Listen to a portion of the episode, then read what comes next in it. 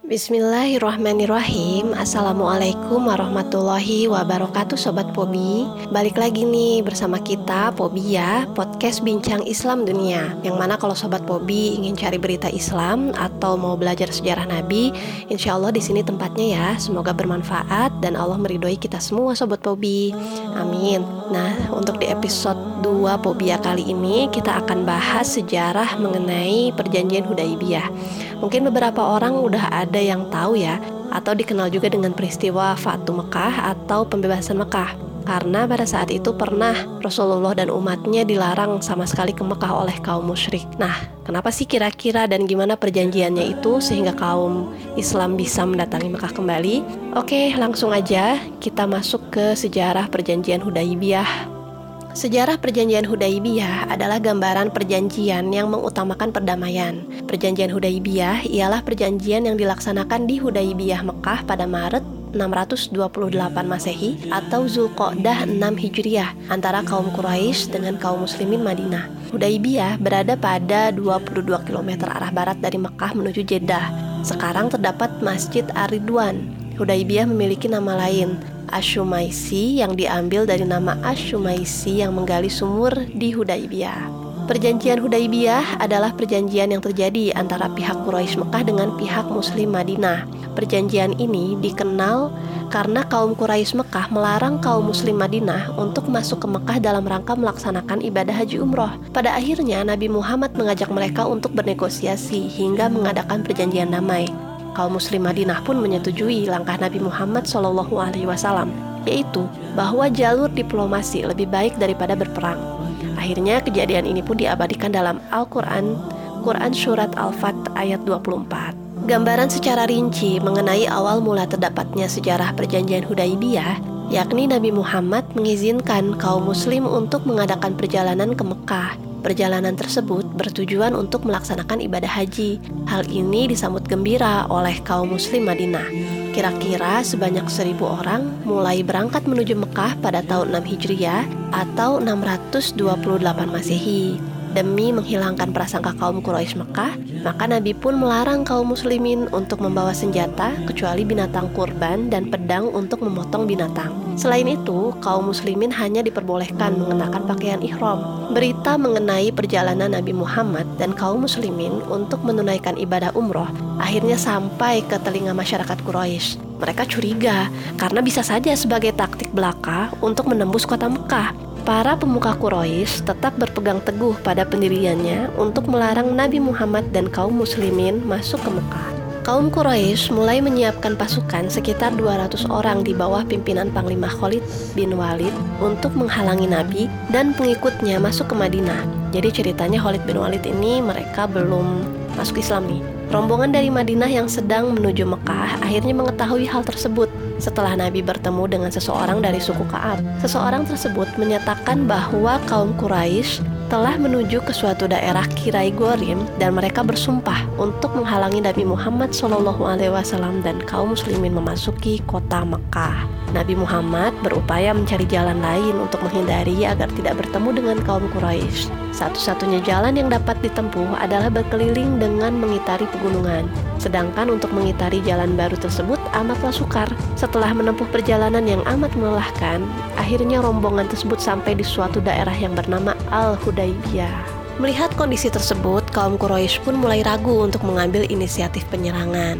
Mereka akhirnya mengutus beberapa orang dari kalangannya yaitu Budail ibn Warqa dan Hulais Ahabishi Ahabish untuk menanyakan maksud sebenarnya menuju kota Mekah.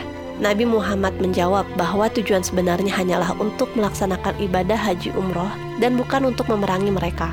Namun, pihak Quraisy tidak percaya begitu saja. Mereka pun kembali mengirimkan utusannya untuk bertemu Rasulullah, yaitu Urwah ibn Mas'ud al-Tokofi, yaitu Urwah ibn Mas'ud al-Tokofi. Laporan Urwah, seseorang yang cukup disegani di masyarakatnya pun tidak ditanggapi. Para pemuka kaum Quraisy menyuruh sekitar 40 warganya keluar pada malam hari untuk melempari kemah Rasulullah dan rombongannya. Sebelum mereka melancarkan aksinya, pihak Nabi Muhammad SAW sudah mengetahuinya dan mereka tertangkap basah, lalu digiring ke hadapan Nabi. Nabi pun memaafkan dan melepaskan semuanya tanpa tinggal seorang pun.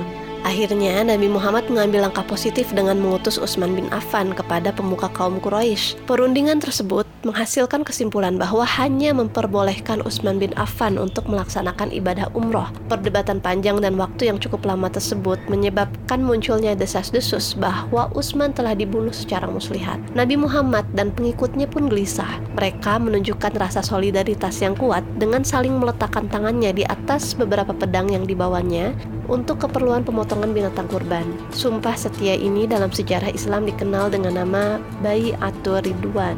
Sumpah setia ini pun sampai ke pihak Quraisy dan menggetarkan hati mereka. Mereka segera mengadakan sidang darurat untuk mencari cara menghadapi ancaman kaum muslimin. Kaum Quraisy sejatinya mengalami kejatuhan mental karena mereka masih trauma dengan kekalahan mereka di perang Badar. Pada perang Badar, kaum muslimin dapat mengalahkan kaum Quraisy walaupun dengan pasukan yang jauh lebih sedikit. Kabar mengenai kejatuhan mental para petinggi Quraisy dan kepulangan Utsman bin Affan membuat kaum Quraisy percaya bahwa kedatangan Nabi dan pengikutnya hanyalah untuk melakukan ibadah umroh dan bukan untuk berperang. Pihak Quraisy pun akhirnya mengirimkan utusannya untuk melaksanakan perundingan guna menghindari kesalahpahaman. Upaya untuk mencapai titik kompromi diwakili oleh Suhail ibn Amr. Menurut Jalaluddin Rahmat, pihak Quraisy diwakili oleh Urwah As-Saqafi dan kaum muslimin diwakili oleh Nabi Muhammad Shallallahu alaihi wasallam. Maka pertemuan tersebut menghasilkan perjanjian Hudaibiyah. Isi dan tujuan perjanjian Hudaibiyah secara garis besar adalah sebagai berikut. Dengan nama Tuhan, ini perjanjian antara Muhammad Shallallahu alaihi wasallam dan Suhail bin Amr, perwakilan Quraisy. Tidak ada peperangan dalam jangka waktu 10 tahun. Siapa pun yang ingin mengikuti Muhammad diperbolehkan secara bebas dan siapa pun yang ingin mengikuti Quraisy Quraisy diperbolehkan secara bebas. Seorang pemuda yang masih berayah atau berpenjaga jika mengikuti Muhammad tanpa izin, maka akan dikembalikan lagi ke ayahnya dan penjaganya. Bila seorang mengikuti Quraisy, maka ia tidak akan dikembalikan. Tahun ini Muhammad akan kembali ke Madinah, tapi tahun depan mereka dapat masuk ke Mekah untuk melakukan tawaf di sana selama tiga hari. Selama tiga hari itu, penduduk Quraisy akan mundur ke bukit-bukit. Mereka haruslah tidak bersenjata saat memasuki Mekah. Berdasarkan pernyataan tersebut, maka inti dari perjanjian Hudaibiyah yaitu pertama, diberlakukannya gencatan senjata antara Mekah dengan Madinah selama 10 tahun. Dua, warga Mekah yang menyerang ke Madinah tanpa seizin walinya harus dikembalikan ke Mekah. 3. Warga Mekah yang menyeberang ke Madinah tanpa si izin walinya harus dikembalikan ke Mekah. 4. Warga Madinah yang menyeberang ke Mekah maka tidak boleh kembali ke Madinah. 5. Selain warga Mekah dan Madinah dibebaskan memilih untuk berpihak ke Mekah atau Madinah. 6. Nabi Muhammad Shallallahu alaihi wasallam dan pengikutnya harus meninggalkan Mekah, tapi diperbolehkan lagi kembali ke Mekah setahun setelah perjanjian itu. Mereka akan dipersilahkan tinggal selama tiga hari dengan syarat hanya membawa pedang dengan sarungnya. Maksudnya membawa pedang hanya untuk berjaga-jaga, bukan digunakan untuk menyerang. Jadi selama tiga hari itu kaum Quraisy Mekah akan menyingkir keluar Mekah. Sebagian kaum muslimin merasa kecewa atas hasil perjanjian Hudaybiyah. Mereka menilai bahwa perjanjian itu merupakan suatu kelemahan dan kekalahan. Bahkan ketika Nabi Muhammad memberikan perintah untuk menyembelih hewan kurban, mereka tidak segera mematuhi perintahnya. Umar bin Khattab meronta tidak rela atas kesepakatan yang telah dicapai antara kedua belah pihak. Perjanjian tersebut seperti sebuah sikap perendahan dan penghinaan terhadap Islam. Nabi dan para pengikutnya, seiring berjalannya waktu, hasil dari perjanjian itu pun mulai terlihat. Sejarah perjanjian Hudaibiyah ibarat suatu kemenangan nyata bagi kaum muslimin dan perjuangan Islam. Bagaimana hal itu bisa terjadi? Terdapat beberapa hal yang sangat penting dari hasil perjanjian Hudaibiyah, yakni sebagai berikut. Pertama, perjanjian Hudaibiyah ditandatangani oleh Suhail bin Amr sebagai wakil kaum Quraisy Mekah. Suku Quraisy adalah suku yang sangat dihormati di Arab, sedangkan Madinah diakui mempunyai otoritas sendiri. Kedua, perjanjian Hudaibiyah ini menyebabkan kaum Quraisy Mekah memberi kekuasaan pada pihak Madinah untuk menghukum pihak Quraisy yang menyalahi isi perjanjian tersebut. Tiga, perjanjian Hudaibiyah memperlihatkan meningkatkan keseimbangan karena adanya kebebasan masing-masing suku yang ingin menggabungkan diri atau bersekutu kepada salah satu pihak tanpa adanya tekanan dan paksaan. Nabi Muhammad sudah memahami betul karakter orang-orang Mekah sehingga beliau memastikan bahwa kaum Quraisy Mekah akan melanggar perjanjian tersebut sebelum selesai 10 tahun. Perjanjian Hudaibiyah pun dilanggar, terbukti akhirnya oleh kaum Quraisy. Sehingga perjanjian ini menjadi landasan hukum untuk menaklukkan kota Mekah. Pelanggaran perjanjian Hudaibiyah mampu diatasi oleh kaum muslimin. Kaum muslimin bisa membalasnya dengan penaklukan Mekah atau Fatul Mekah pada tahun 630 Masehi. Kaum muslimin berpasukan sekitar 10.000 tentara. Mereka hanya menemui sedikit rintangan di Mekah. Akhirnya, kaum muslim pun mampu menaklukkan Mekah. Mereka meruntuhkan segala simbol keberhalaan di depan Ka'bah. Hal ini berarti perjanjian Hudaibiyah juga terkait dengan sejarah Ka'bah. Bagaimana kaum Quraisy bisa melanggar perjanjian tersebut? Ya, pelanggaran yang dilakukan oleh kaum Quraisy pada tahun 8 Hijriah ini merupakan kesalahan yang sangat fatal. Mereka secara diam-diam membantu Bani Bakar menyerang Bani Khuza'ah. Upaya penyerangan terhadap sekutu kaum muslimin tersebut telah melanggar perjanjian yang telah disepakati di Hudaibiyah dua tahun sebelumnya. Quraisy Mekah menyadari telah membuat kesalahan fatal. Abu Sofyan kemudian dikirim ke Madinah untuk memperbaharui perjanjian. Rasulullah tentunya menolak karena Abu Sofyan dari pihak Quraisy telah melanggar perjanjian tersebut terlebih dahulu. Kondisi internal kaum muslimin saat itu telah mapan. Mereka telah berhasil menundukkan para pengkhianat dari kalangan Yahudi Mekah. Mereka telah berhasil menundukkan para pengkhianat dari kalangan Yahudi Madinah. 10.000 pasukan berhasil dikumpulkan. Di hari ke-10 Ramadan 8 Hijriah, mereka pun bergerak bersama di bawah komando Rasulullah.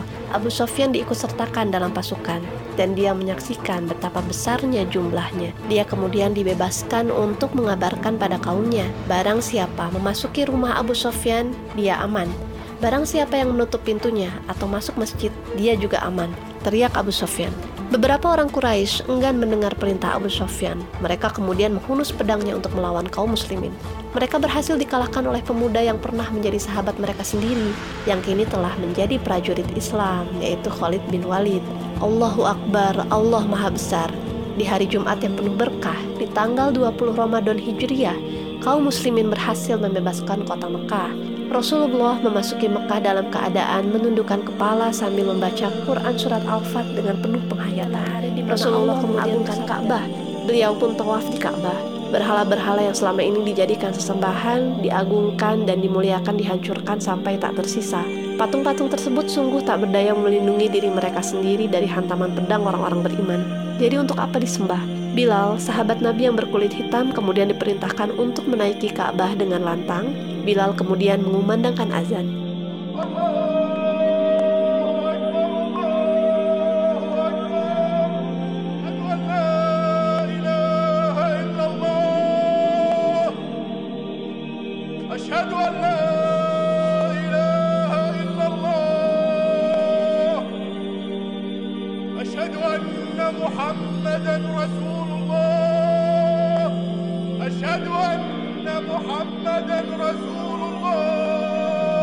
Dahulu ia pernah dihinakan karena warna kulitnya dan status sosialnya yang rendah di tengah-tengah masyarakat kota Mekah. Bilal kemudian memberikan pelajaran bahwa semua anak Adam setara di sisi Allah Subhanahu wa taala. Yang membedakan hanyalah iman dan takwanya. Rasulullah memberikan amnesti pada penduduk kota Mekah yang di antara mereka dahulu ada yang pernah menyiksa dirinya dan para sahabatnya. Mereka juga tidak akan ditawan dan dijadikan budak. Harta dan tanah mereka juga tidak akan dirampas dan diambil paksa.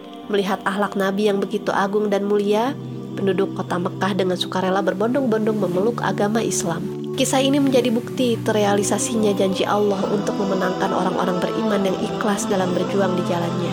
Apabila telah datang pertolongan Allah dan kemenangan, dan engkau melihat manusia berbondong-bondong masuk agama Allah, maka bertasbihlah dengan memuji Tuhanmu dan memohon ampunlah kepadanya.